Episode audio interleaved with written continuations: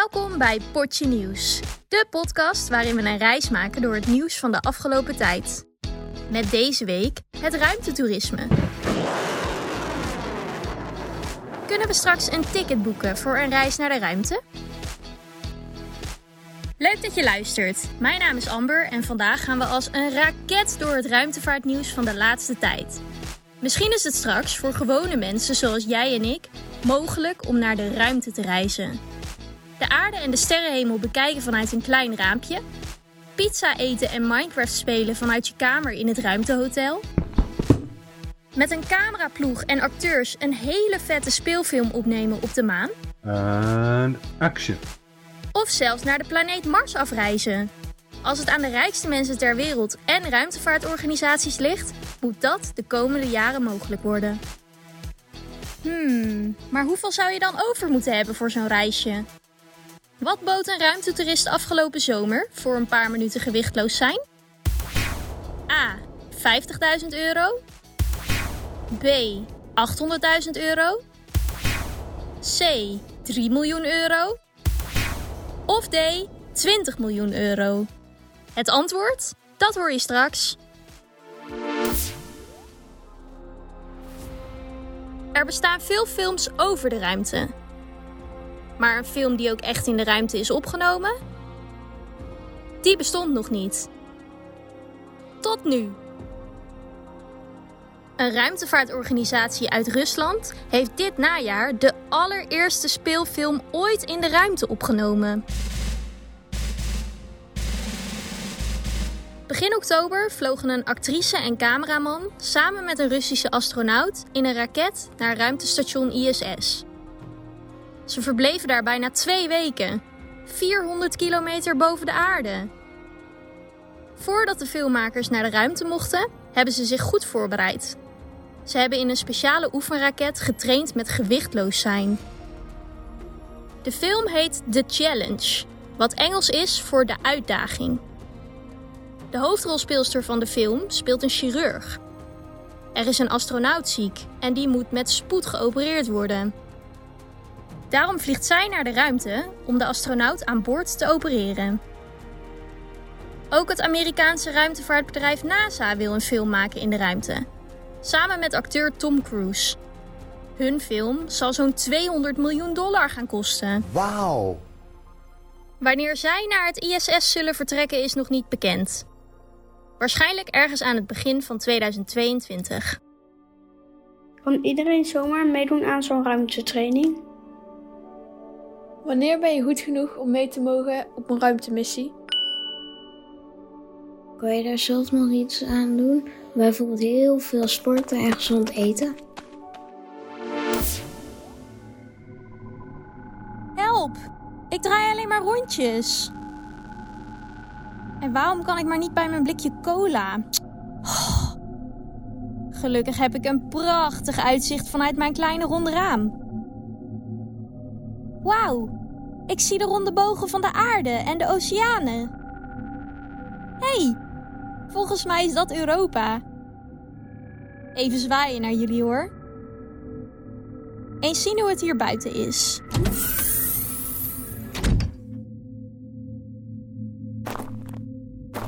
Wow, ik zet nu gewoon een stap op de maan.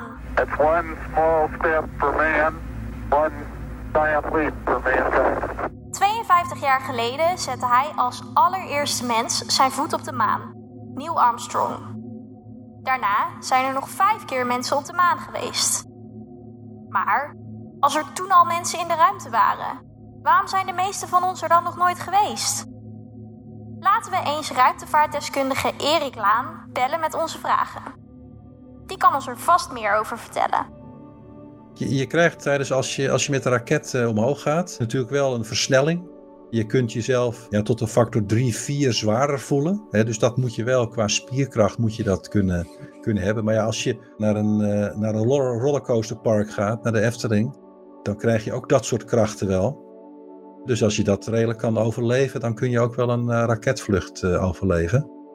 Waar je ook rekening mee moet houden als je helemaal in de ruimte bent. Ja, je, moet wel, je bent wel in die capsule. Je kunt er niet zomaar uit. Er is niet een, deurtje dat je zegt, nou, ik ga even buiten kijken. Als je dat zou willen, moet je ook weer een ruimtepak aan. Dan ben je ook weer een paar uur verder voordat je dat aan hebt. Je kunt misschien eens een keer oefenen om eens even in de, in, de, in, de, in de trapkast even een paar uur te gaan zitten en te kijken of je dat uithoudt. Je kunt wel misselijk worden, want je hebt ruimteziekte. En dat heeft te maken met dat ja, je bent gewichtsloos. Hè. Het voelt alsof je continu aan het vallen bent. Nou, je kent dat gevoel in je maag als je van een, een hoge duikplank afspringt in het zwembad. En dat gevoel, ja, dat heb je even continu, zeg maar. Veel mensen hebben zeg maar, in, het, in het begin last van die ruimteziekte. Dat ze dat, dat ze dat gevoel hebben, dat ze moeten overgeven. Maar het gaat langzamerhand gaat dat, uh, gaat dat weg. Die echte officiële professionele astronauten, die trainen ook zo lang. Omdat ze namelijk naar International Space Station gaan. Uh, en daar ook van alles moeten doen. Ze moeten zorgen dat het hele International Space Station blijft werken. Ja, daar zitten van allerlei systemen in die ze moeten leren. Ze moeten daar eh, experimenten uitvoeren. Ja, daar moeten ze jarenlang voor trainen om dat allemaal te kunnen. En dus het is niet zozeer die raketvlucht waar je zo lang voor moet trainen. In de Verenigde Staten zijn er drie multimiljardairs die met hun bedrijven toeristen naar de ruimte willen brengen: Jeff Bezos, Elon Musk en Richard Branson. Er is veel concurrentie tussen hen. A major milestone for the space tourism industry. Ze willen allemaal de beste resultaten boeken met hun raketten en van de ruimte een populaire reisbestemming maken. Er zijn door hen de laatste maanden al een paar keer ruimtetoeristen met een raket naar de ruimte gebracht. Sommigen verbleven maar een paar minuten, anderen zelfs meerdere dagen. Ze stegen honderden kilometers boven de aarde, waardoor ze gewichtloos waren. Nadat de passagiers van het uitzicht genoten hadden, gingen ze weer terug naar de aarde en landden ze met parachutes in de woestijn. Echt heel lang was het niet dus. Je had geen tijd om je stoeltje uit te klappen en je favoriete serie te kijken. Of een potje te pingpongen. Maar voor onder andere de 18-jarige Olivier werd de droom om als toerist naar de ruimte te gaan werkelijkheid. Hij mocht afgelopen zomer mee met de raket van Jeff Bezos en heeft vanaf een afstand naar de aarde mogen kijken. Hij is de jongste ruimtevaarder ooit. Er is ook kritiek op de ruimtereisjes van de miljardairs. Raketten stoten tijdens de lancering in een paar minuten veel vervuilende stoffen uit. Wel honderd keer zoveel dan een normaal vliegtuig. En dat is heel slecht voor het milieu. En met de reizen worden er geen experimenten of onderzoeken gedaan in de ruimte. Mensen vragen zich dus af wat het nut dan is van zo'n grote, vervuilende reis. Naast dat het gewoon leuk is. Is een reis naar de ruimte niet veel te duur? Wanneer mogen kinderen mee met een raket? Kunnen wij straks ook op Mars wonen? Kinderen zouden ook mee kunnen. Dat is niet, uh, niet een beperking. Alleen ja, het, het, kost een hoop geld. Hè? Dus je moet wel veel geld hebben om dat, om dat te kunnen betalen. Ik zie wel dat, dat, dat die kosten wel gaan afnemen. Hè? Als je straks praat over duizend mensen naar de ruimte. Maar het wordt niet zoals zeg maar vliegtickets. Er zijn andere meningen hoor. Die men, mensen denken ja dat wordt echt vliegticketsprijzen. Uh, maar dat geloof ik niet. Uh. Als je het hebt over die duizend mensen per jaar denk ik dat dat nog wel 10 of 15 jaar duurt voordat dat zover is. En waar je in de luchtvaart van propellers naar straalmotoren bent gegaan, is er niet een techniek dat je nu van die raketmotoren naar een nieuwe soort van voortstuwing gaat, die veiliger is en veel efficiënter. Stel je gaat op vakantie en je gaat met het vliegtuig en er komt plotseling een onweerswolk. Dan wordt er gezegd, oh dames en heren, wacht even, u krijgt een drankje, we wachten even een half uur met opstijgen.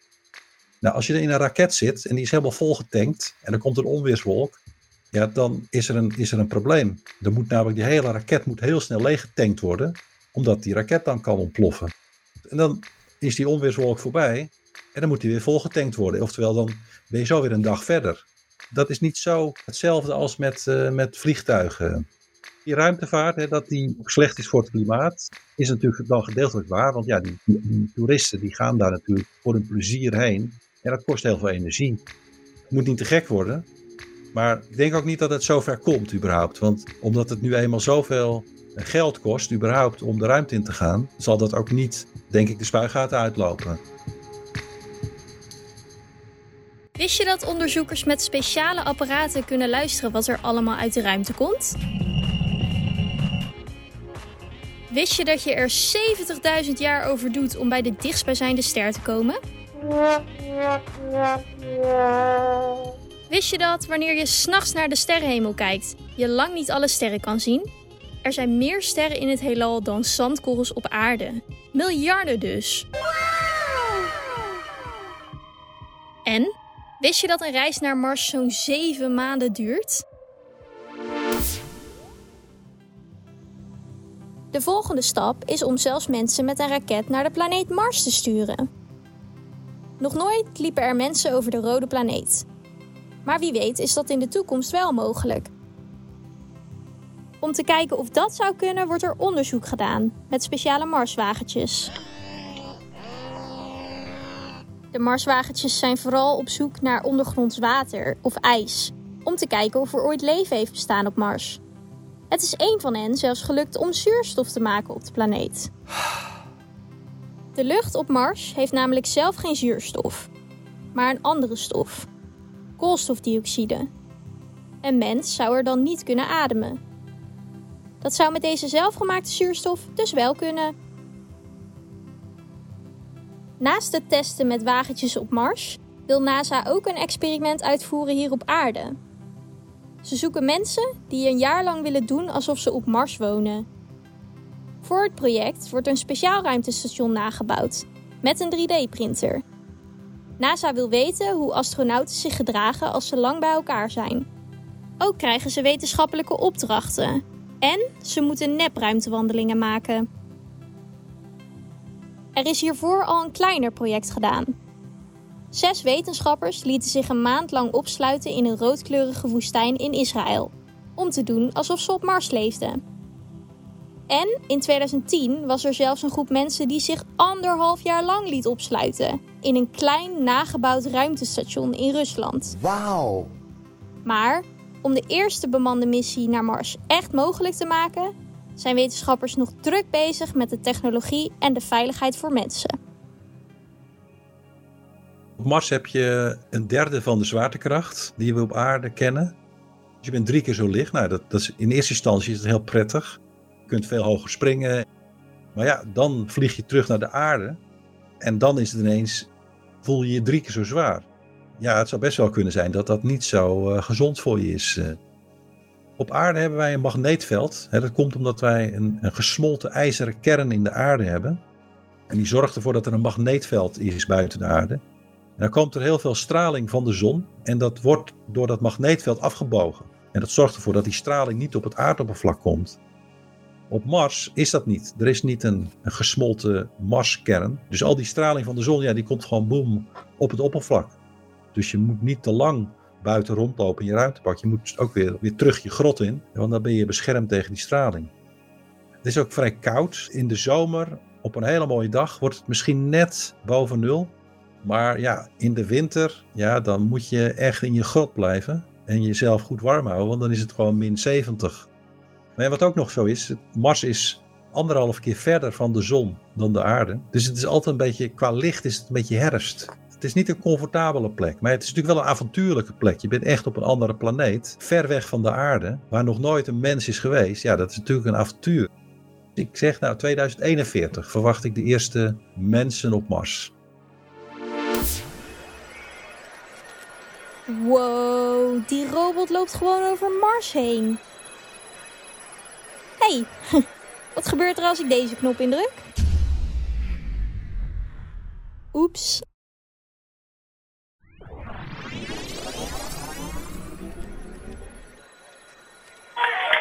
Time to see where our curiosity will take us. Hij heeft gewoon zelf zuurstof gemaakt. Dat betekent dat wij ook op Mars kunnen gaan wonen. Wat gaaf! Lekker in een dichte cabine op een zanderig bruin oppervlak, zonder oceanen, bomen, huizen, bioscopen, scholen, televisies, games, internet. Hmm, is dat wonen op Mars nou eigenlijk wel zo leuk? Nu is alleen nog de vraag wat zo'n reis naar de ruimte dan kost.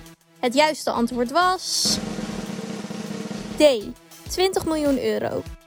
Als toerist naar de ruimte gaan heeft dus een aardig prijskaartje en maanden van intensieve training. Uiteindelijk willen ruimtevaartorganisaties en bedrijven speciale cabines gaan maken, zodat er vaker en langer mensen naar de ruimte kunnen reizen. Een soort ruimtehotel dus, die continu ronddraait. Door het draaien krijgt de cabine namelijk een soort zwaartekracht, waardoor je bord met eten niet zomaar blijft rondzweven. Het ene na het andere bedrijf biedt dus steeds meer vluchten aan naar de ruimte. Wil jij een rondje om de aarde gewichtloos zijn of een hotelkamer in een heel veel sterrenhotel? Nou, daar zijn heel wat heidje voor een karweitjes en volle spaarponsen voor nodig. Maar wie weet, is een vliegreis naar het Spaanse Barcelona straks even normaal als een ruimtevlucht naar de maan? Luisteraars van Potje Nieuws, zijn jullie ready for take-off? 5, 4, 3, 2, 1, 0. All engine running.